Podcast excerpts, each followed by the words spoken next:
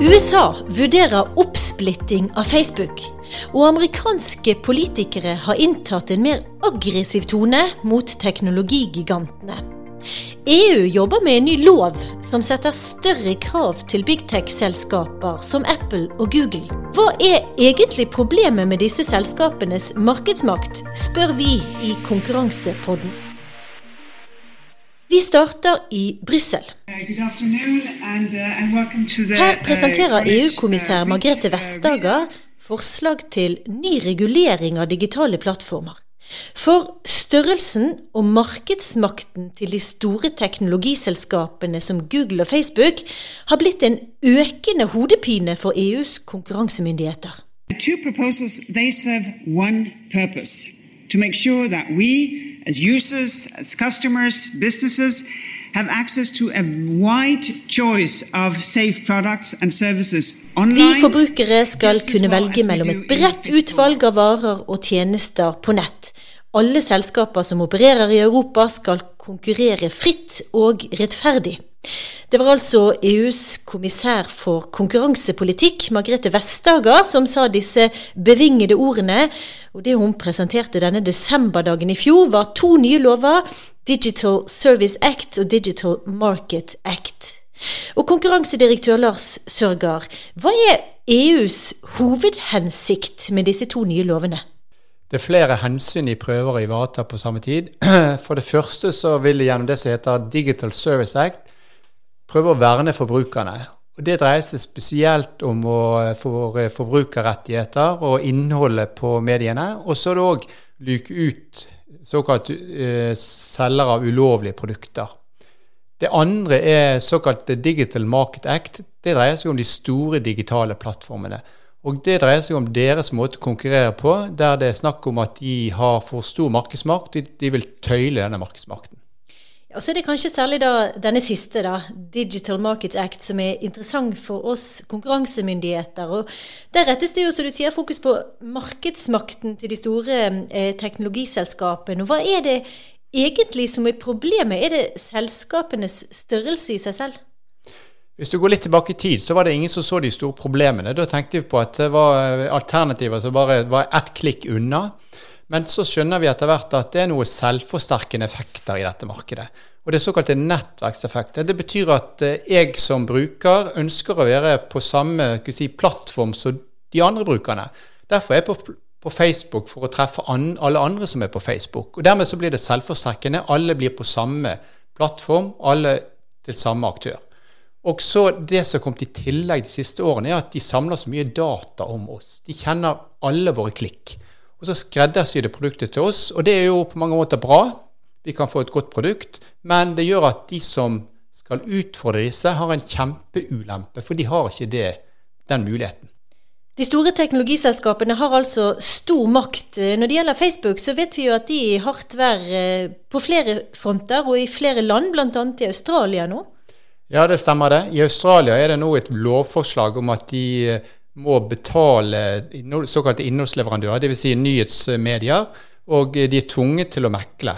I Europa er det faktisk slik at det er på gang noe som ligner, om enn i litt mindre skala. Det er vedtatt en lov om opphavsrettigheter som gjør litt av det samme, men ikke i like stor grad som i Australia. Og I Norge så er det planer om at denne skal ut på høring i høst, så vi kan få samme type regler som i Europa som er da en uh, light-versjon av det vi ser i Australia. Når det gjelder eh, det lovforslaget i EU, Digital Markets Act, hvilke konkrete utfordringer med de store teknologiselskapene er det EU peker på der? Det sentrale her er dette med utfordrere, altså nye aktører som kan utfordre de eksisterende. Og som nevnt over dette med nettverkseffekter, gjør at de store som Google og Facebook de på en måte klarer å beholde mange av oss, uten at vi tenker på at det er noe alternativ.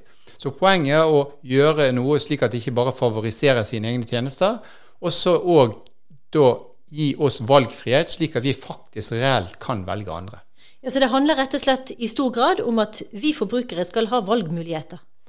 Valgmuligheter er et viktig stikkord her. For det er nettopp det at uh, vi har en aktør, Facebook, og en annen aktør, Google, og de er så store at vi nesten ikke tenker over at vi kan velge noe annet. Og EU vil gi oss muligheten til at andre aktører kan eh, ja, prøve å få tak i oss som kunder. Kan du si mer om hva slags tilnærming til de store teknologiselskapene EU legger opp til da, i Digital Market Act, og, og som man kan se for seg at EU skal eh, ha da, i årene fremover? Så dette er noe som kommer i tillegg til dagens konkurranseregler. De ligger fast. og Dette kommer på toppen og Poenget er at du skal ikke regulere sånn som vi tenker på f.eks. Eh, teleindustrien. Vi skal ikke regulere priser. Det de ønsker, er å påvirke atferden til disse store selskapene. De ønsker at de skal ikke favorisere seg sjøl. De ønsker ikke at vi skal bli tvunget til å bruke bare ett produkt. Så det å påvirke atferden slik at vi lettere kan velge andre, det er det som er formålet med reguleringen. Så er jo begge disse eh, nye EU-lovene, Digital Service Act og Digital Market Act, det er jo forslag som EU-kommisjonen har lagt frem. Hvordan vurderer du sannsynligheten for at de blir endelig vedtatt eh, slik de er foreslått? Nå skal jo dette behandles i Europaparlamentet og i det såkalte rådet, så det er vanskelig å si. Men jeg tipper at hovedlinjene vil eh, være slik vi nå ser. Eh, det er verdt å merke seg at det er mindre radikalt det forslaget som nå er vedtatt, enn det som, eller foreslått, enn det som var tidligere diskutert. Tidligere var det slik at de ønsket å splitte opp. Nå er det slik at de må ha brutt disse atferdsreglene tre ganger før det eventuelt kan bli oppsplitting. Så i, i praksis så er det veldig lite sannsynlig med oppsplitting fra EU-kommisjonen sin side. Eh, vi har jo i en tidligere episode av Konkurransepodden tatt for oss de ulike sakene EU har mot Google. Men EU har jo også de siste årene delt ut uh, ganske store bøter til flere av IT-gigantene. Også Apple, Facebook, Microsoft. Når var det EU begynte å se på teknologiselskapenes størrelse som et problem? En viktig milepæl er et vedtak fra 2004. Da fikk Microsoft et gebyr på 5 milliarder kroner Eh. Og det var for å binde sammen produkter. Altså de eh, hindret andre si, tjenester som eh, tilbyr oss lyd og bilde, å konkurrere mot det som heter Windows Media Player. Og så i 2009 kom et veldig viktig vedtak. Det påla Microsoft at vi skulle fritt velge såkalt nettleser. Altså Microsoft har Internet Explorer, Google har det som heter Chrome. Så det paradoksale med det som skjedde i 2009, var at vi fikk større mulighet til å velge Google, og så nå er det Google som er på en måte den som vi er mest kritiske til. Men sett fra et konkurranseperspektiv, i hvilken grad mener du det er viktig at EU eh, e har tatt opp denne kampen mot de, de store amerikanske IT-gigantene? Det er veldig viktig, og det er viktig for Europa, men òg eh, veldig viktig for Norge at EU-kommisjonen gjør dette. Hvis de gjør sånn som de gjorde med Google, den første Google-saken, Google Shopping, så påla de Google en radferd. Den har direkte betydning for norske forbrukere, fordi vedtaket er likegyldig i Norge som i f.eks. Sverige, og Tyskland og Nederland. Så vi som en del av eh, det indre marked gjennom EØS-avtalen, så er det viktig for oss at EU-kommisjonen er aktiv. Vi i Norge er jo som kjent ikke medlem av EU, men sammen med de andre nordiske landene publiserte vi i Konkurransetilsynet i høst en nordisk rapport om digitale plattformer og konkurransespørsmål. Og vi i Konkurransetilsynet har digitalisering som ett av hovedsatsingsområdene våre. Hvordan jobber vi opp mot digitale plattformer? Det skal vi snakke mer om litt senere her i Konkurransepodden. Vi skal til USA, for der har flere fremtredende politikere de siste årene endret tonen mot de såkalte big tech-selskapene. Facebook, Apple, Google, Microsoft og Amazon er jo alle amerikanske selskaper som har fått vokse seg store og erobret verden. Men i fjor sommer var Facebook og Apple blant IT-gigantene som måtte møte i en høring i Kongressen. Facebook har blitt etterforsket av amerikanske konkurransemyndigheter, som bl.a. vil finne ut om amerikanske big tech-selskaper har blitt for store og fått for mye makt. Vi skal høre litt fra det som skjedde i Kongressen i juli i fjor. Mr. Zuckerberg is now recognized for five minutes. Thank you for the opportunity to testify. The tech industry is an American success story. Facebook is part of this story. We started with an idea, I'm proud that we've given people who've never had a voice before the opportunity to be heard. Ja, dette var Facebook-sjef Mark Zuckerberg, som altså måtte svare for seg i en høring i Kongressen i juli i fjor. Den foregikk digitalt, som seg hør og bør, som følge av koronapandemien. Og Lars, eh, i tillegg til å være konkurransedirektør, er du også professor i samfunnsøkonomi ved Norges handelshøyskole. Og du har fulgt med på den historiske utviklingen i amerikansk konkurransepolitikk. Og aller først, hvordan har de store teknologiselskapene som Facebook, Apple, Google, Microsoft klart å oppnå den markedsmakten som de har i dag? Hvis vi går 20 eh, år tilbake i tid, så ser vi at den viktigste drivkraften for de var den såkalte nettverkseffekten. Dvs. Si at alle andre var på et system, på et produkt, og du ønsket å være der òg. Det, det, det, var slik Microsoft fikk stor eh, innflytelse. fordi når du brukte Word, og alle andre brukte Word, så ønsket alle å ha, være, bruke Word som eh, tekstbehandlingssystem. Tilsvarende, hvis du enda lenger tilbake i tid, så var IBM så Da var det datamaskin som alle hadde. Og da ønsket du å ha samme datamaskin, så det er lettere å kommunisere med disse andre. Det nye som har skjedd de siste fem-ti årene, er at dette med persondata er blitt viktigere. De har enormt med data om deg, eh, alle våre klikk.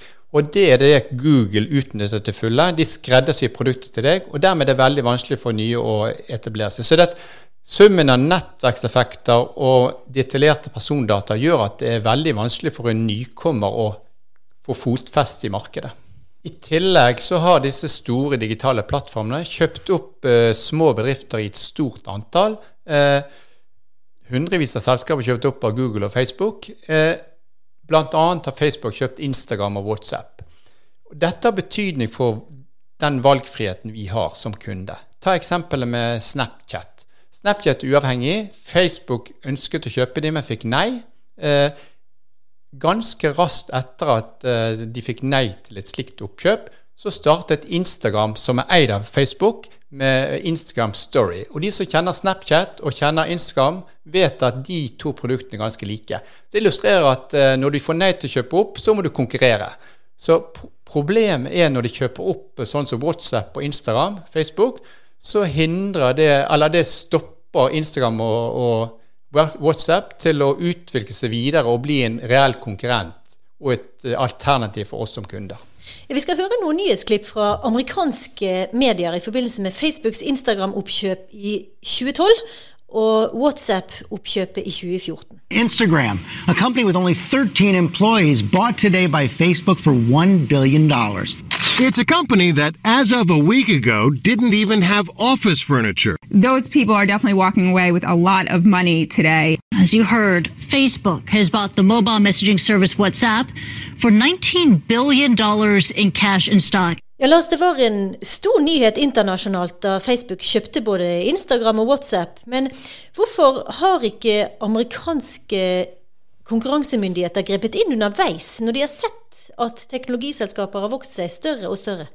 Vi ser at USA var veldig aktiv på 60- og 70-tallet når det gjaldt eh, inngrep mot eh, konkurranseskadelig atferd. Og det ser vi òg i Nesse var forløperen til disse digitale plattformene.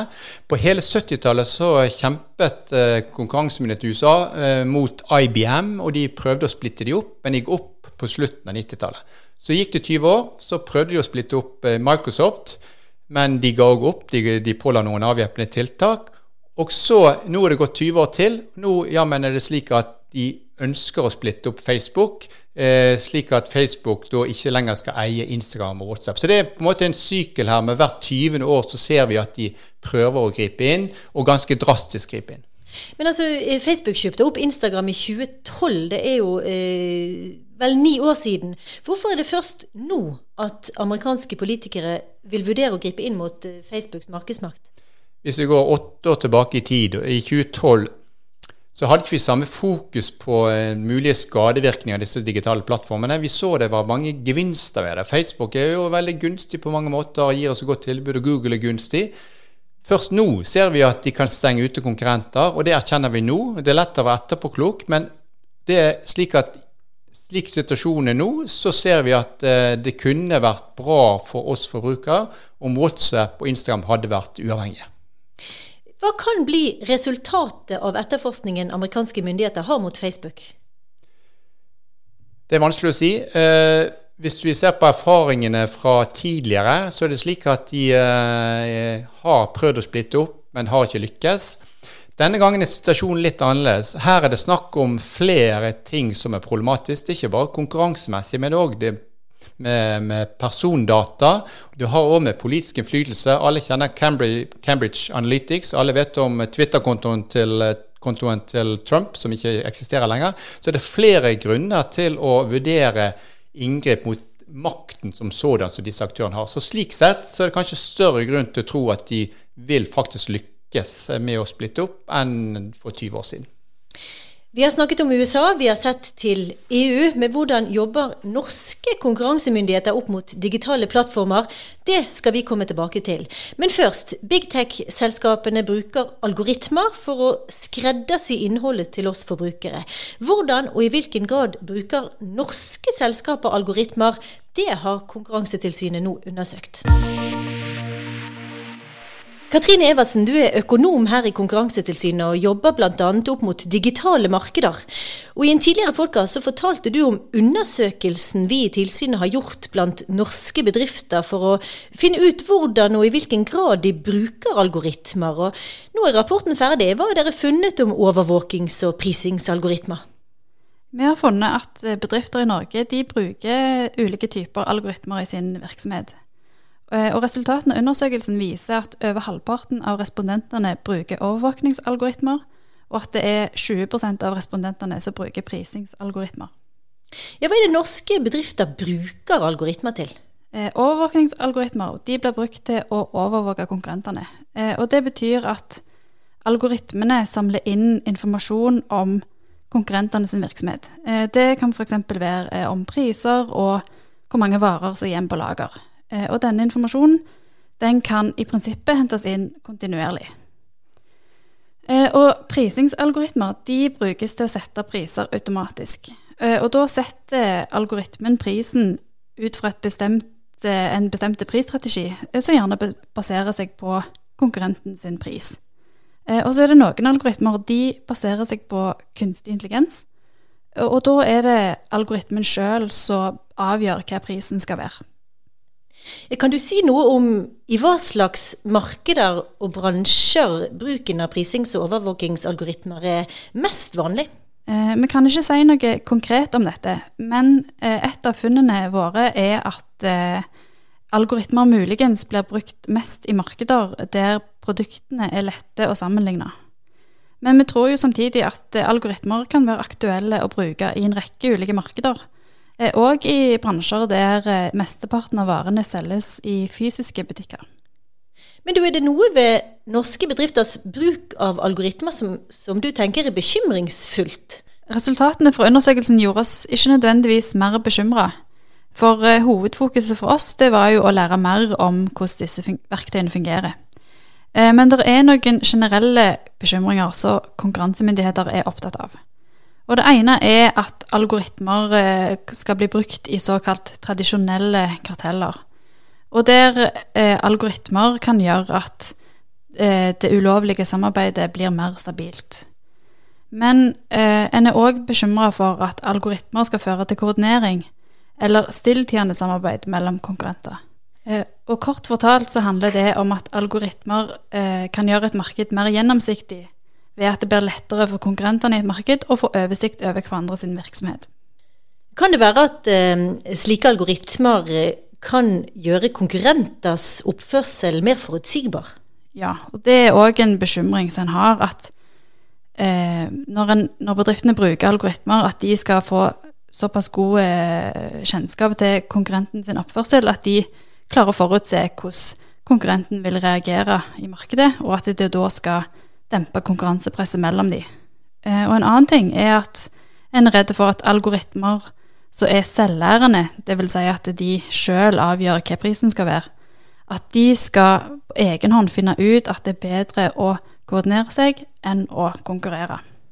Eh, og i rapporten så, så oppfordrer vi bedrifter til å være bevisste på hvordan algoritmene de bruker, fungerer, og dette gjelder jo da særlig for bedrifter som befinner seg i markeder der markedsforholdene allerede ligger til rette for koordinering.